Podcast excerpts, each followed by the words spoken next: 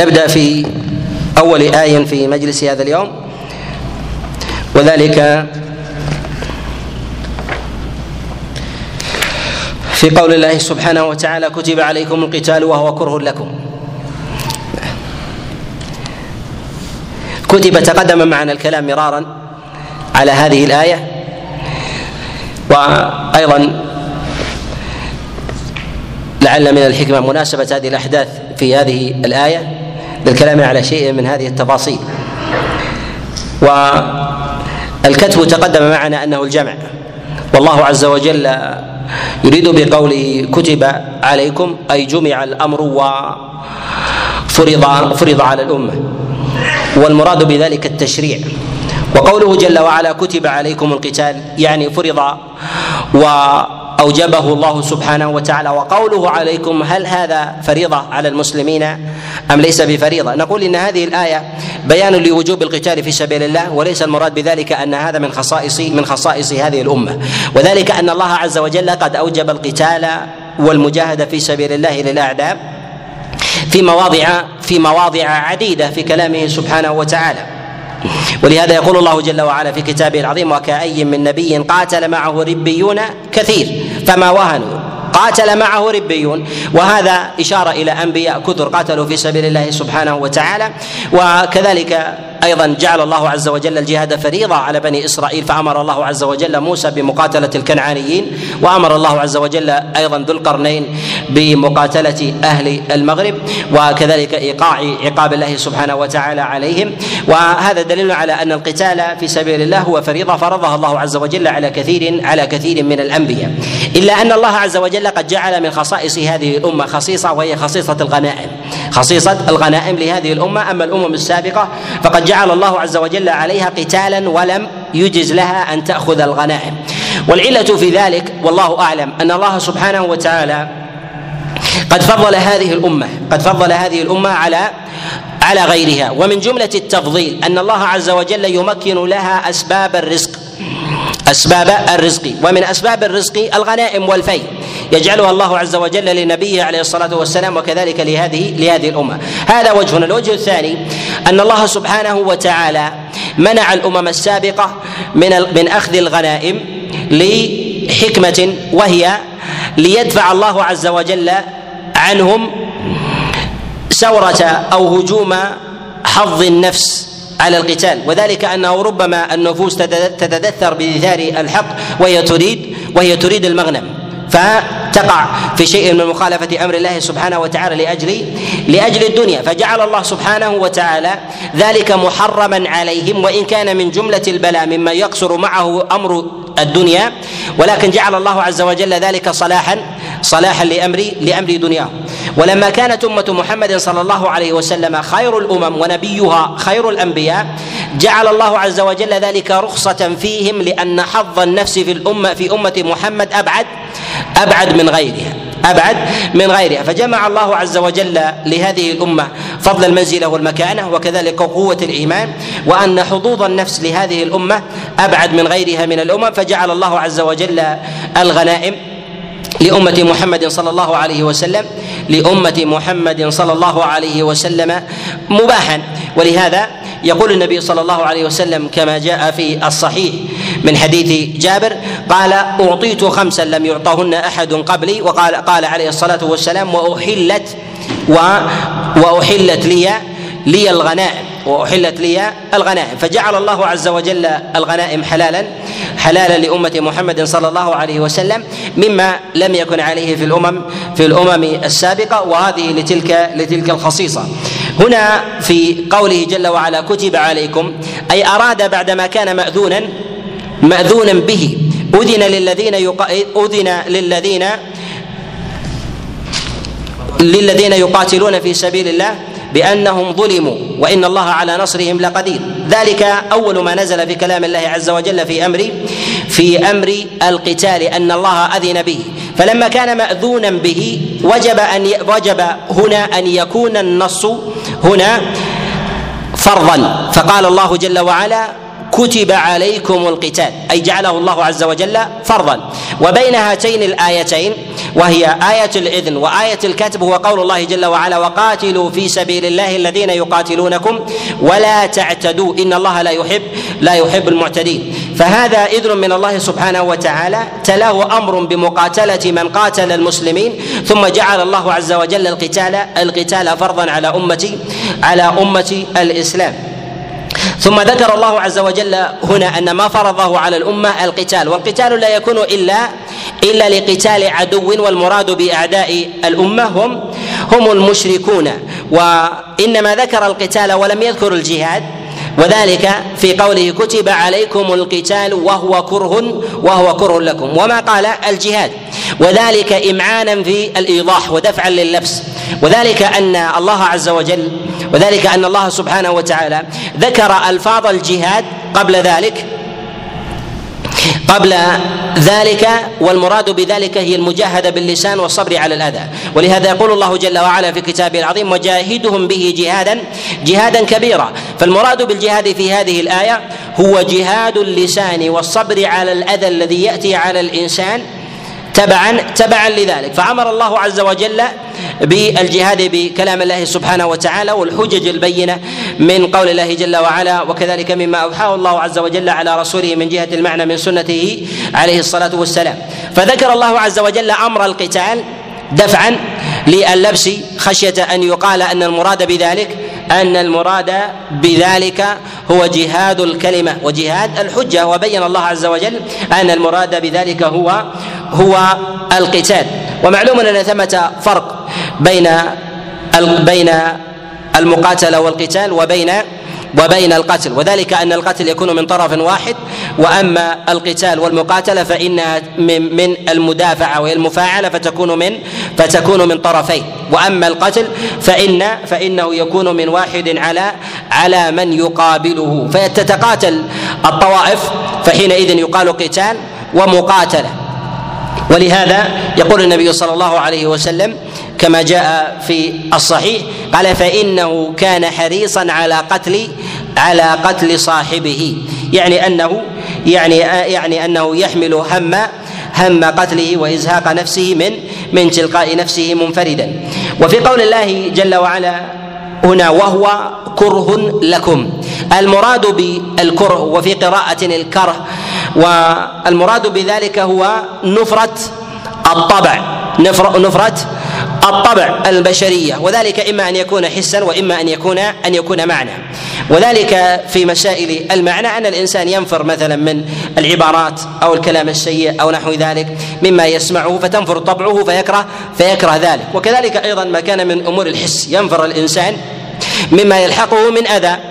وذلك من الجراحة وكذلك اللطم أو الضرب أو نحو ذلك من الأمور الحسية فيكرهها. فيكون ثمة الكره على على حالين في مثل هذا من جهة رجوعه إلى الطبع البشرية وذلك كره معنوي وكره وكره حسي. وأما بالنسبة لمعناه العام فهو كالمحبة. المحبة والكره هي على نوعين كره فطري وكره وكره شرعي ويأتي الكلام ويأتي الكلام على ذلك. والكره هنا في قوله وهو كره لكم. أراد الله سبحانه وتعالى أن يبين أنه فرض فرض القتال على المؤمنين وهو يعلم أن النفوس أن النفوس تكره. وفي هذا دفع لما لما يحتج به بعض الناس من حجج النفس والعقل على على الشريعة. من حجج النفس والعقل على الشريعة. كذلك أيضا فيه دفع لما يظنه ويتوهمه الناس أن الفطرة وكذلك أيضا الطبع البشري والعقل والنظرة المادية حكم على الشريعة. حكم على على الشريعة. وهذا لا شك انه أنه ضلال. وذلك فرق بين أهل السنة والمعتزلة في هذا في هذا الباب الذين تأثروا في المدرسة العقلية في مسألة حتمية حتمية السبب. وذلك أنهم يقولون أن النظر إلى الأسباب النظر إلى الأسباب إنما مرده إلى العقل. فكل سبب له سبب حتى يرجع حتى يرجع ذلك إلى السبب الأول وهو الخالق. سبحانه سبحانه وتعالى. وهذا النظرية هي نظرية قديمة مع إيمان أرسطو بوجود خالق إلا أنه يجعل أن الله عز وجل جعل أسباب وهي المرد والمحك لا يوجد فرض عليها وإنما الفرض وإنما هي تفرض ارادتها تفرض إرادتها في الكون. فالإنسان ينظر ويدرك بالاسباب ثم يقدمها على ثم يقدمها على على غيرها. جرى على هذه المدرسة من العقلانيين المدرسة العقلانية وهي مدرسة المشائين وذلك كابن سينا والفارابي والكندي وغيرهم الذين سلكوا هذه هذا المسلك في مسألة في مسألة قانون قانون السببية وطغيانه وحتميته من جهة من جهة الرأي. وأهل السنة يعلمون ويدركون أن الله عز وجل قد جعل الكون وجعل وجعل مدار الحياة على أسباب. ولكن العلة ليست في الأسباب وإنما العلة في إدراك ذلك السبب. في إدراك ذلك السبب. ولكن الله عز وجل يجعل العلة والمعلول فالعلة هي وجودها وجود المعلول أثر أثرا للعلة حتمي ووجود السبب وكذلك أيضا المسبب من جهة لزوم أحدهما للآخر. هذا من الأمور الحتمية. ولكن غياب مستوى ذلك في ذهن الإنسان هذا مما يجعل اختلال النظر في ذلك راجع إلى ضعف ضعف الإنسان وسعة علم الله. ويظهر هذا في قول الله جل وعلا والله يعلم وأنتم لا تعلمون. اذا المسألة هي الاحاطه العلمية. وأما بالنسبة للأسباب فالله عز وجل قد جعلها فيسبب فيسبب الأسباب. ولو كان الإنسان يدرك من أمر المشاهد ما يدرك ما يعلمه الله سبحانه وتعالى لم يكن ثمة فرق بين خالق بين خالق ومخلوق. وهؤلاء لما نظروا إلى الأسباب منفصلة عن إدراك العقل عن إدراك العقل ومستوى ضعف لديهم ضعفت لديهم النتيجة. ولكن أهل السنة نظروا إلى السبب ونظروا إلى العقل. نظروا إلى كمال الأسباب وأنه قد يكون ثمة خوارق وهذه الخوارق للأسباب ما يسمى بالمعجزات وأن الله عز وجل يجعل شيئا بلا سبب والله عز وجل قادر على ذلك. وهذه خوارق وتحقق يتحقق فيها يتحقق فيها الإعجاز. ولهذا تجد أنهم ينفون ينفون مسائل الإعجاز باعتبار أنها خارجه عن مساله عن مسألة القانون قانون الطبيعة أو القانون البشري ونحو ذلك. وهذا يجري عليه طوائف من المتكلمين من العقلانيين وأسلافهم من من المعتزلة وهو أصل ذلك هو قانون السببيه لدى لدى أرسطو أو حتميه أو حتمية الكون. وجرى على هذا من انقاد للقصور بعدم الربط بين ضعف عقل الإنسان وبين قانون الطبيعة من جهه من جهة كمال إحكام الله عز وجل له فهو كامل ولكن الله عز وجل جعل عقل الإنسان ناقص. جعل الله سبحانه وتعالى عقل الإنسان ناقص. فإذا نقص العقل لا يدرك ما لا يدرك ما أمامه وذلك كحال نقص بصر الإنسان وسمعه وكذلك حسه فلا يدرك الإنسان كل شيء. كحال الإنسان تنزل ربما على يده بعوضة لا يدركها كحال نزول الذبابة من هي أكبر منها ثم الحشره التي هي أكبر منها ومنها الذرة التي لا يشعر بها لا يشعر بها الإنسان. ولهذا ثمة لطائف من الأسباب تؤثر في تؤثر في النتائج لا يدركها الإنسان. والخلل في ذلك هو في ادراكه ام في وجود الأسباب هو في ادراكه ولهذا الله سبحانه وتعالى يقول كتب عليكم القتال ونعلم أنه كره لكم نعلم أنه كره لكم وهذا الكره لا أثر له لا أثر له في فرض شريعة الله شريعة الله سبحانه سبحانه وتعالى. وقول الله جل وعلا وهو كره لكم. ذكرنا أن الكره بالضم والفتح المراد بذلك هو نفرة الطبع. ومن العلماء من فرق بين الفتح والضم وقال ان وقال إن الضم في قوله وهو كره لكم مراد بذلك نفرة الطبع وأن الكره بالفتح المراد بذلك الإكراه. وهو قصر الإنسان وأطره على أن يفعل شيئا لا يريده. قالوا وهذا وهذا كره وأما بالنسبة ما كان ما كان بطبيعة الإنسان مما يكره الإنسان بالطبع فذلك هو الكره والأرجح في هذا أن الكره والكره على معنى واحد. ولهذا جاءت بقراءة ثابتة بالوجهين في هذه في هذه الآية. في قول الله عز وجل كتب عليكم القتال وهو كره أو كره كره لكم.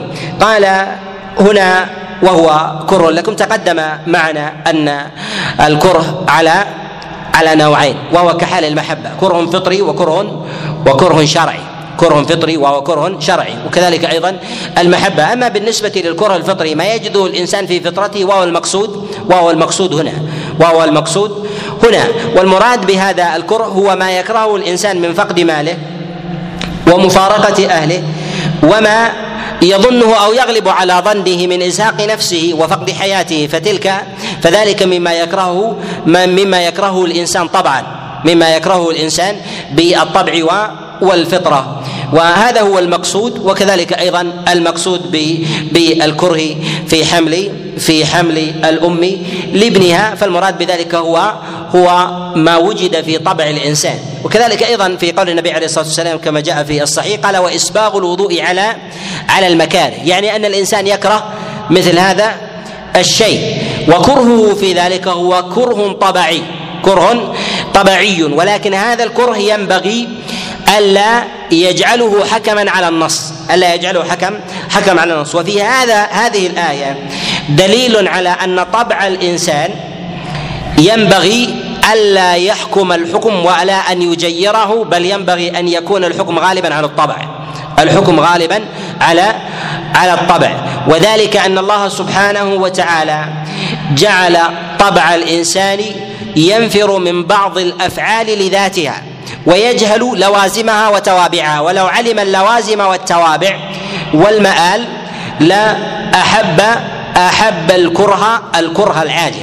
فحينئذ يكون كره الإنسان ومحبته إنما كانت لقصور إدراكه الغايات وحال الإنسان من جهة إدراكه وكذلك معرفته يؤثر فيه العاجل أكثر أكثر من الآجل. ولهذا الإنسان يحب يحب العاجل من المال أكثر من الآجل ولو كان ولو كان كثيرا. ولهذا كثير من الناس يأخذ الربا. يحب مالا عاجلا ولو كان الغرم الغرم أكثر أكثر عاجلا لأن الإنسان يحب العاجلة ولو كانت ولو كانت في عاجلة الدنيا. وهذا أمر وهذا أمر معلوم. ولهذا ربما أشبع الإنسان غريزته ولو كانت عاقبته كرها. ولو كانت عاقبته كرها عليه في دنياه. ولهذا تجد الناس كثيرا ما يسرقون ويعلم أنه يعاقب ويشرب الخمر وهو يعلم أنه أنه يعاقب وإذا عوقب ندم على ذلك.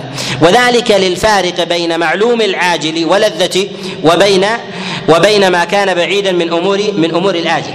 وهذا فيه إشارة إلى أيضا الرد على المدرسة الفكرية والفلسفة العصرية التي تحيل الإنسان إلى ذوقه وحسه تحيل الإنسان إلى ذوقه إلى ذوقه وحسه. فيقولون إن الأمر من جهة وجوبه ورفضه يرجع إلى إلى حب الإنسان له وكرهه له. فهؤلاء لا يفرقون بين الكرهين وبين المحبتين. وهو الكره الفطري والكره والكره الشرعي. ويجعلون الكره الفطري هو الغالب. ولكن في الشريعة يجعل, يجعل الله عز وجل الكره الشرعي هو غالب على الكره الفطري. وكذلك أيضا ما كان محبة شرعية غالب على المحبة المحبة الفطرية ولهذا يحب الإنسان طعاما وهو محرم ويحب شهوة وهي محرمة ويحب ملبسا كالحرير وهو محرم عليه. ولهذا جاءت الشريعة بما أحبه الله له من الترك أو لا من حبه من من الفعل. ولهذا جاءت الشريعة بتقديم المحبة الشرعية على المحبة الفطرية وتقديم الكره الشرعي على على الكره الفطري. وإنما وقع في هذه الفلسفة الغربية وهي الفلسفة العلمانية أو الليبرالية أنهم قدموا قدموا الكره الكره الفطري على على الكره الكره الشرعي وجعلوه وجعلوه حكما. وهذه المدرسة هي مدرسة متناقضة أيضا. وذلك أن شريعة الله سبحانه وتعالى جاءت للنظر إلى أمرين. النظر إلى ذات الإنسان وإلى تركيب المجتمع وإلى آجل الإنسان وهو الآخرة. إلى آجل الإنسان وهي الآخرة. لو قلنا بعدم وجود وجود آخرة على قولهم وأن الأمر إنما هو إنما هو في العاجلة. لكانت مسألة الكره والمحبة الفطرية في ذاتها هم متناقضون فيها. وذلك أن النظام العام للدولة يجعل الإنسان يقدم فيه الكره العام على الكره الفطري الذاتي على الكره. ولهذا نظم الدول وتشريعاتها تكون غالبة على على كره الإنسان وطبعه. ولهذا جاءت الشريعة بما هو أعم من ذلك. ولهذا تفرض الشريعة تقديم الكره الشرعي ولو كره الإنسان. فهم يناقضون أنفسهم حتى في أمور التشريعات. فتجد النظم الديمقراطية تقوم بفرض الجهاد بفرض القتال والعدوان على أحد من الناس ولو كره أفراد ولو كره الأفراد لأنهم يرون ذلك مصلحة مصلحة عامة. إذا فرفعوا تقديم الحب والكره الذاتي الفطري في ذات الإنسان على للمصلحة العامة. آه، في ذلك لماذا؟ لأنهم يرون أنهم يعلمون ما لا يعلمه الفرد. يعلمون ما لا يعلمه الفرد. وهذا إقرار بضعف إدراك الإنسان وعدم وعدم معرفته لمصلحة لمصلحة الأمة لمصلحة الأمة العامة. وأما النوع الثاني وهو الكره والمحبة والمحبة الشرعية المحبة الشرعية وهي التي يجب أن يعمل الإنسان بها أن يعمل الإنسان بها. والمحبة الشرعية محلها القلب وكذلك قول اللسان والجوارح والجوارح. وأما بالنسبة للكره الطبعي فهو في نفس الإنسان فهو في نفس الإنسان. إذا اعترض إذا اعترضت الكره الطبعي مع الكره الشرعي حرم على الإنسان أن يظهر أن يظهر كرهه الطبعي للنص.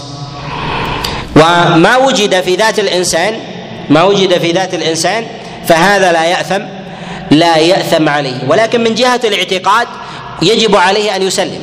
ولهذا يقول الله جل وعلا في كتابه العظيم فلا وربك لا يؤمنون حتى يحكموك فيما شجر بينهم ثم لا يجدوا في أنفسهم حرج. وهذا الحرج هو الضيق مما قضيت ويسلموا ويسلموا تسليما. والمراد بالتسليم هو الانقياد بالمتابعة مما يظهر في قول الإنسان وكذلك أيضا وجوارحه. وأما ما يوجد في في ذات الإنسان من هذه النفرة والكرة ونحو ذلك كحال الإنسان إذا أراد مثلا أن يتوضأ في زمن بارد وهو إسباغ الوضوء على المكاره أو ما يستثقله الإنسان من الوضوء ثلاثا. يريد أن يتوضأ مرة واحدة النفس تحب العجلة. فإذا توضأ ثلاثا فيجد الإنسان في ذلك في ذلك ربما كره طبعي. للتراخي في مثل ذلك مثلا في في الشتاء. فنقول في مثل هذا إن الإنسان لا يأثم لا يأثم على ذلك. وذلك مثلا كحال المرأة. تكره أن يعدد عليها زوجها. تكره أن يعدد عليها زوجها. وهذا الكره كره طبعي. كره طبعي. ولا تأثم عليه. ما لم يكن ثمة معارضة للتشريع. تقول أكره أن تعدد علي ولكن الرجال فليعددوا. ما شاءوا. الرجال فليعدوا ولكن أنت أني أكره هذا الأمر. أكره هذا الأمر. هذا كره طبعي ولكن إذا قالت إني أكره هذا التشريع كله. هذا هذا مناقض للإسلام. هذا مناقض مناقض للإسلام. لأن الكره نزل على التشريع. نزل على التشريع. والدليل على أنه طبعي أن المرأة في مسألة تعدد زوجها عليها تجد في نفسها وقعا أكثر من أن تجد بتعدد الأجنبي على زوجته. مما يدل على أن الأمر ليس على التشريع وإنما هو لحظ وإنما هو لحظ لحظ النفس. وقول الله عز وجل وعسى أن تكرهوا شيئا. الكره هنا هو الأمر الطبعي على على ما تقدم. وعسى في كلام الله للتحقيق. قال ذلك عبد الله بن عباس وكذلك جاء عن مجاهد بن جبر وغيرهم وأما بالنسبة في غير كلام الله فهي للترجي. يعني أرجو أن يكون ذلك. وأما في كلام الله سبحانه وتعالى فهي لي للتحقيق. وإذا جاءت عسى في كلام الله فالله عز وجل يريد بذلك الحتمية وعسى أن تكرهوا شيئا. مما أمركم الله عز وجل به ويجعل الله تحقيقا ذلك خيرا. خيرا لكم ويجعل الله عز وجل ذلك تحقيقا خيرا خيرا لكم. وأما بالنسبة للإنسان فهو يحتمل الأمرين فيرجو الإنسان الخير أن يتحقق وقد يكون خيرا وقد يكون وقد يكون شرا. وأما بالنسبة وأما بالنسبة لذات الإنسان فإنه يحب الخير و ويكره ويكره الشر. وإنما ذكر الله عز وجل عسى هنا وإن كانت تستعمل في كلام الناس للترجي وعسى أن تكرهوا شيئا وهو خير وهو خير لكم. إنما ذكرها الله عز وجل في مثل هذا الموضع حتى لا يأمن الإنسان من مكر الله. حتى لا يأمن لا يأمن الإنسان من مكر الله سبحانه وتعالى. وذلك أن أن الإنسان إذا أقبل على الشيء الظاهر ربما فرط وقصر في الأمر الباطن فوجد في شيء من قلبه ما يمنع تحقق الخيرية. ما يمنع تحقق الخيرية. فيكون أمره في ذلك لغير لغير الله سبحانه وتعالى. ولهذا هناك من يقاتل من الأفراد في ظاهره مع رسول الله صلى الله عليه وسلم لله وهو من أهل النار. ولهذا ولهذا النبي صلى الله عليه وسلم لما قال في رجل إنه من أهل النار وهو يقاتل وذلك لما رأى بعض الصحابة عليهم رضوان الله تعالى من شدة بأسه من شدة بأسه بالمشركين. فدفع فتبعه بعض أصحاب رسول الله صلى الله عليه وسلم فلما جرح جعل حد السيف على بين ثدييه ثم ثم وضع موضع يده على الأرض فتحامل عليه حتى حتى قتل قتل نفسه. ومثل هذا دليل على ضعف دليل على ضعف الباطن والإنسان إذا التفت إلى الأمر الظاهر ضعف الباطن ضعف الباطن وإذا التفت إلى الأمر الظاهر مجردا ضعف الظاهر. كحال كثير من غلاة التأله والرهبانية ونحو ذلك الذين عطلوا الشعائر الظاهرة بتزكية الباطن مجردا. وهذا وهذا نوع نوع من الجهل ولهذا نقول إنه لا رهبانية لا رهبانية في الإسلام. وذلك أن الرهبانية لازمة غير متعدية وذلك لازمة لذات الإنسان وليست متعدية إلى غيره. من جهة الأمر بالمعروف والنهي عن المنكر إصلاح الناس القتال في سبيل الله صلة الأرحام والسعي في الأرض من الأمور المباحة والتكسب بما أباحه الله عز وجل فهي لازمة لذاته الإنسان. ولهذا نفاها الله عز وجل وجعلها رهبانية. ابتدعوها ما كتبها الله سبحانه وتعالى ما كتبها الله عز وجل عليهم. وتأكيد الله سبحانه وتعالى على وجود الكره هنا في قوله وعسى أن تكرهوا شيئا. وعسى أن تكرهوا شيئا. أثبت الله عز وجل وجود الكره في النفوس. للمرة الثانية إشارة إلى أن الأمر معلوم وأن الله عز وجل أعلم بالناس من أنفسهم. أن الله عز وجل أعلم بالناس من من أنفسهم. قال وعسى أن تكرهوا شيئا وهو خير وهو خير لكم. المراد هنا بالشيء. هذا أول ما يرجع إلى القتال. لأن الله عز وجل قال كتب عليكم القتال وهو كر لكم. ثم قال الله عز وجل وعسى أن تكرهوا شيئا وهو وهو خير لكم. الخيرية تنصرف إلى أمر الجهاد. ولكن الله سبحانه وتعالى قال خير لكم. أي خير للمسلمين الذين فرض الله عز وجل عليهم القتال. وفي هذا إشارة إلى أن خيرية الأمة تسلب إذا سلب منها الجهاد. خيرية الأمة تسلب إذا سلب منها الجهاد. وأنه بقدر سلب هذه الشعيرة وهذه الشريعة ينقص الخير فيها ويزيد في ذلك في ذلك الشر. والله سبحانه وتعالى حينما قال خير لكم إمعان بأن الله عز وجل لا يكتب مثل هذه الشعيرة لعلة غائبة وإنما لحكمة ظاهرة متمكنة الإحكام والظهور ولهذا قال وهو خير لكم وذلك لظهور ظهور الأمر وأن الخيرية إنما ترجع إنما ترجع للناس في عاجل أمرهم. إنما ترجع للناس في عاجل أمرهم و... وآجله. والله سبحانه وتعالى يفرض على عباده شرائع ويجعل الخيرية عاجلة أم آجلة؟ على الأمرين. ربما جعلها عاجلة وربما جعلها آجلة وربما جعلها آجلة عاجلة. يعني أن ثمرتها تكون ظاهرة للإنسان. وإذا ذكر الله عز وجل الأمر في عاجل الإنسان في عاجل الإنسان في هذا إشارة إلى دفع أمر يقع في النفوس لا لأمر لا لإضعاف الآجل لا لإضعاف الآجل. وذلك أن الله سبحانه وتعالى حينما شرع شريعة الجهاد ما قال خير لكم خير عند الله سبحانه وتعالى وما ذكر في عاجل الإنسان فإن في قوله خير لكم إشارة إلى عاجل الناس في أمر في أمر الدنيا من جهة التمكين والنصرة والقوة وكذلك الأثر وعلى الناس والغلبة وكذلك ما يجعله الله عز وجل من قوة معنوية ومادية للناس. فجعل الله سبحانه وتعالى ذلك ذلك للعاجل. وليس ذلك تغييبا لامر واضعافا لأمر الآخرة. ولهذا الله عز وجل جعل القتال في سبيل الله في حال الشهادة وعدمها اجرا عند الله عز وجل عظيما.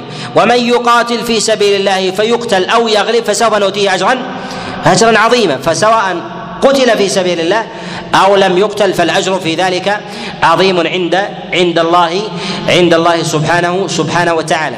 وإنما ذكر الله عز وجل عاجل الأمر دفعا لما يجده الإنسان من نفرة. ولهذا فيه إشارة لإحكام الشريعة أنه كلما كان الأمر تنفر منه الطبائع جاءت النصوص بتأكثيره أكثر بالتكثير وإراده على النفوس أكثر. لماذا؟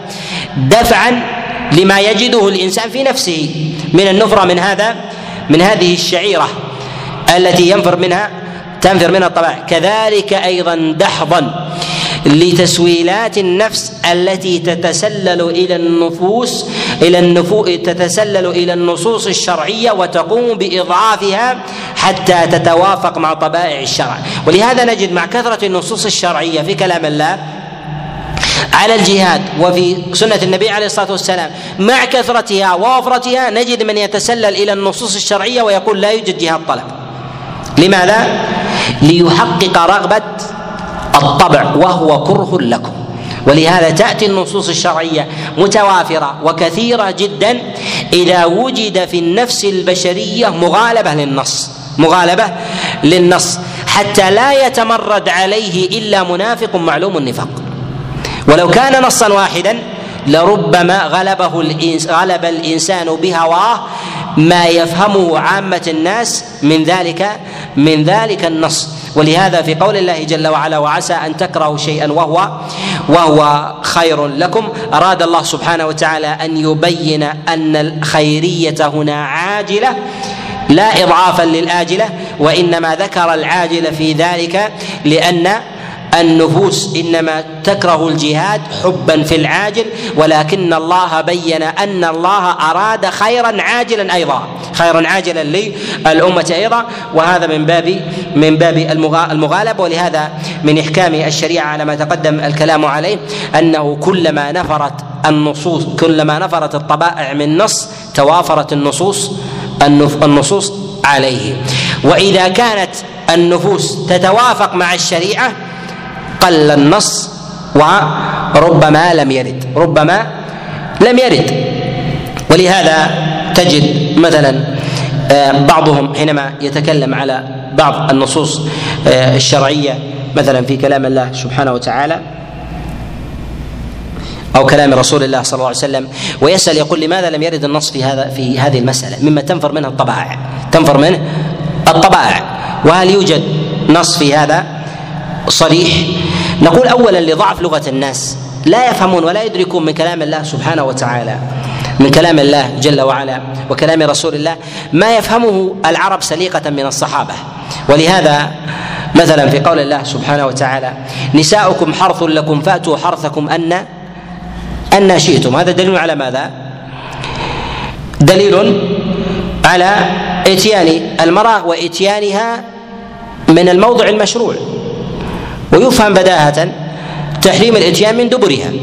إتيان المرأة من دبرها. بعض الناس ممن يتكلم مثلا على الأحاديث الواردة في هذا في هذا الباب ويقول إنها معلولة ويجوز إتيان المرأة من دبرها. نقول إن الشريعة يقول لماذا لم تأتي نصوص صحيحة على شرط البخاري ومسلم؟ الشريعة وصفت بالإحكام. الله عز وجل يقول في كتابه العظيم ألف لام را كتاب أحكمت آياته. الإحكام جاء على ماذا؟ كتاب أحكمت آياته. هذه الآيات أحكمت إحكاما والمراد بالإحكام في قول الله جل وعلا في هذه الآية أحكمت الآيات يعني الآيات بتناسقها جاءت محكمة بما يتوافق مع فطرة مع فطرة البشر كثرة وقلة كثرة وقلة. وأحدهم قال أريد حديث على شرط البخاري ومسلم بتحريم إتيان المرأة من دبرها. وهذه من المسائل لماذا لم يرد فيها نص؟ قلت ائتني بنص بتحريم البول. يوجد نص؟ لا يوجد نص. لماذا لم يأتي نص بتحريم البول وجاء في تحريم الخمر؟ لماذا؟ لأن النفوس البشرية بطبيعتها تنفر من هذا ولا تنفر؟ هل هو بحاجة إلى إيراد نص؟ ليس بحاجة إلى إيراد نص. ومن قال بجوازه في ذلك لديه خلل فطري. لديه خلل؟ لديه خلل فطري في هذا. ولهذا نقول إن الشريعة تأتي بحسب دوافع النفس الأمارة بالسوء وبحسب أيضا ما يأتي من شياطين من شياطين الإنس. وذلك كحال الإنسان مثلا لديه منديل أو لديه قطعة قماش أو نحو ذلك موجودة أمامه. إذا وجدت ريح خفيفة يضع شيء خفيف أليس كذلك؟ يضع شيء خفيف. إذا وجدت مثلا كريح المروحة أو نحو ذلك يضع شيء خفيف. إذا وجد ريح قوي جدا ماذا يضع؟ حجارة لتثبيتها.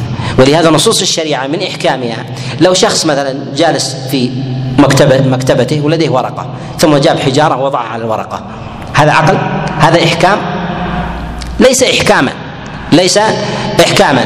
هذه الورقة هذا هذه الورقة هي الفطرة. ما يجتال ما يجتالها هي النفوس هي الهوى الذي يطرأ على الإنسان. قد يكون يسيرا فلا يحتاج إلى نص ثقيل يحتاج إلى شيء يسير. ولهذا يأتي نص خفيف جدا. لماذا؟ لأن النفس لا تحتاج إلى الإكثار. هي تعاف هذا الشيء. ولهذا عمر بن شراحيل الشعبي لما سئل عن أكل الذبان الذبابة ماذا قال؟ قال إن اشتهيتها فكلها.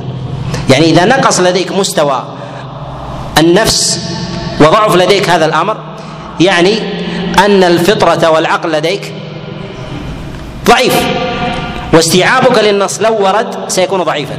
ولهذا يضعف لديك إدراك الحكم الشرعي مع ضعف مع ضعف النفس والهوى. ولهذا لا يكاد يوجد شخص ينظر إلى المسائل التي تعافها النفوس وتنفر منها ثم يطلب لها دليلا إلا ونفسه مبدلة. إلا ونفسه مبدلة. ولديه من من ظلم النفس ما هو أعظم؟ ما هو أعظم؟ أعظم من ذلك. وقول الله عز وجل وهو خير لكم فيه إشارة على أن الخيرية لأمة الإسلام ودولتها وجماعتها إنما يكون بالقتال في سبيل الله وأن الله عز وجل ذكر الخيرية في مواضع في كلامه سبحانه وتعالى وجعل الخيرية في الأمر بالمعروف والنهي عن المنكر. كنتم خير أمة أخرجت للناس وجعل الله عز وجل أيضا القتال في القتال في سبيل الله. وعسى أن تكرهوا شيئا وهو خير وهو خير لكم. وفي هذا أيضا إشارة إلى أن المقصود في هذه الآية إنما هو قتال قتال الطلب قتال الطلب لا قتال قتال الدفع. ومن الأقوال المبتدع المبتدعة التي جاءت في الأزمنة المتأخرة هو نفي قتال الطلب وأنه لا وجود لا وجود له. لا وجود لا وجود له. وهذا لا شك أنه جهل في كلام الله وكلام رسول الله صلى الله عليه وسلم.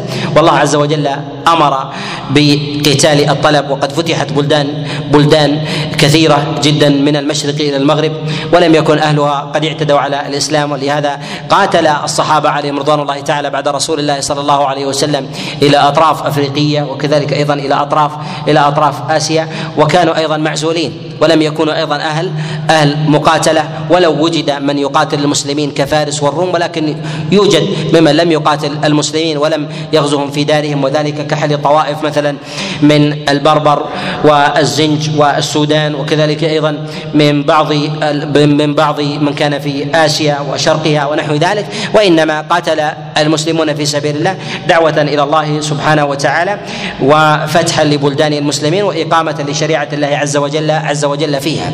و لا شك أيضا من قال أن الجهاد جهاد الطلب لا يوجد في الإسلام لا في الصدر الأول ولا فيما بعد ذلك. لا شك عندي أن القائل بذلك مرتد خارج عن الإسلام. لا شك أنه مرتد خارج عن الإسلام والنصوص في ذلك متضافرة متواترة وقد جاء في الصحيحين وغيرهما من حديث أبي هريرة أن رسول الله صلى الله عليه وسلم قال أمرت أن أقاتل الناس حتى يشهدوا دفعا أو حتى يشهدوا حتى يشهدوا أن لا إله إلا الله وأن محمد رسول الله. وفي قول رسول الله صلى الله عليه وسلم أيضا كما جاء في الصحيح من حديث من حديث عبد الله بن عمر قال لا تزال طائفة من أمتي ظاهرين على الحق يقاتلون في سبيل الله إلى إلى قيام الساعة.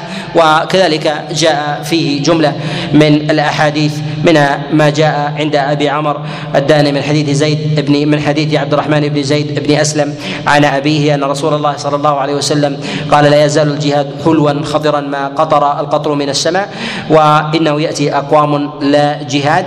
قال فالجهاد خير حينئذ. قالوا ثمة أحد يقول ذلك يا رسول الله؟ قال نعم. من عليه لعنة الله والملائكة والناس أجمعين. وقد جاء من حديث آخر عند ابن عساكر من حديث عباد بن كثير عن يزيد الرقاشي عن أنس بن مالك بنحو هذا الإسناد وجاء أيضا عن عبد الله بن مسعود عليه رضوان الله تعالى من طرق يشد بعضها يشد بعضها بعضا وما زال هذا الأمر عليه عمل الأمة من الصدر الأول إلى أزمنة إلى الأزمنة المتأخرة حتى جاء زمن انحطاط أمة الإسلام. فاستباحها من استباحها وظهر فيها الهوان. ولهذا نرى ضعف هذه الخيرية ما ذكره الله عز وجل هنا في قوله جل وعلا وعسى أن تكرهوا شيئا والأمر ينصرف إلى الجهاد وما كان دونه وهو خير لكم أي ان أنكم إن تركتموه ضعفت فيكم الخيرية بقدر, بقدر انصرافكم عن هذا عن هذا الأمر. قال وعسى أن تحبوا شيئا وهو وهو شر لكم والله يعلم وأنتم وأنتم لا تعلمون. في قول الله سبحانه وتعالى وهو شر لكم والله يعلم وأنتم وأنتم لا تعلمون. إشارة إلى أنه ينبغي للإنسان أن يسلم لأمر الله سبحانه وتعالى وألا يلتفت إلى الحسبان المادي العقلي الصرف. وذلك بدراسة الإنسان ما يسمى بالدراسات السياسية أو المادية آه، أو الحسابات أو نحو ذلك. فإن الإنسان يتشوف إلى المغالبة لمصلحة الذات فنقول إنه ينبغي أن ينظر إلى حكم الله سبحانه وتعالى متجردا عن حظ عن حظ نفسه في أمر في أمر الدنيا. ولهذا قال الله جل وعلا والله يعلم وأنتم وأنتم لا تعلمون. إشارة إلى أن الله سبحانه وتعالى إنما جعل الأمر جعل الأمر مرده إليه إشارة إلى قصور علم الإنسان عن معرفة الحكم البالغة الظاهرة. والأمة ستدرك ذلها وهوانها الذي هو فيه حينما ترتفع راية الجهاد في سبيل الله وتقوم أمة الإسلام ترى أنها كانت أمة مستباحة وأمة ذليلة وأن وجود وجود السلم المتمكن بين المسلمين وبين غيرهم من الملل الكفرية سلما دائما المتضمن لإلغاء الجهاد أن في ذلك إظهار للذلة ويظهر معه النفاق وتقوى شوكته وتظهر في ذلك الردة ويذوب مسألة الكره الكره للكافرين وذلك الانغماس. ويتساهل المسلمون بالانسياق إلى بلدان الكفر والخوض فيها أينما شاءوا وربما الإقامة الإقامة فيها. وتظهر الردة في المسلمين ويظهر في ذلك الوهن والضعف ويذكر العملاء والدخلاء والمنافقين. فالله عز وجل إنما شرع الجهاد لتقوية البيضة وحمايتها. كذلك النفرة والحمية ووجود الحمية في آه، المسلمين.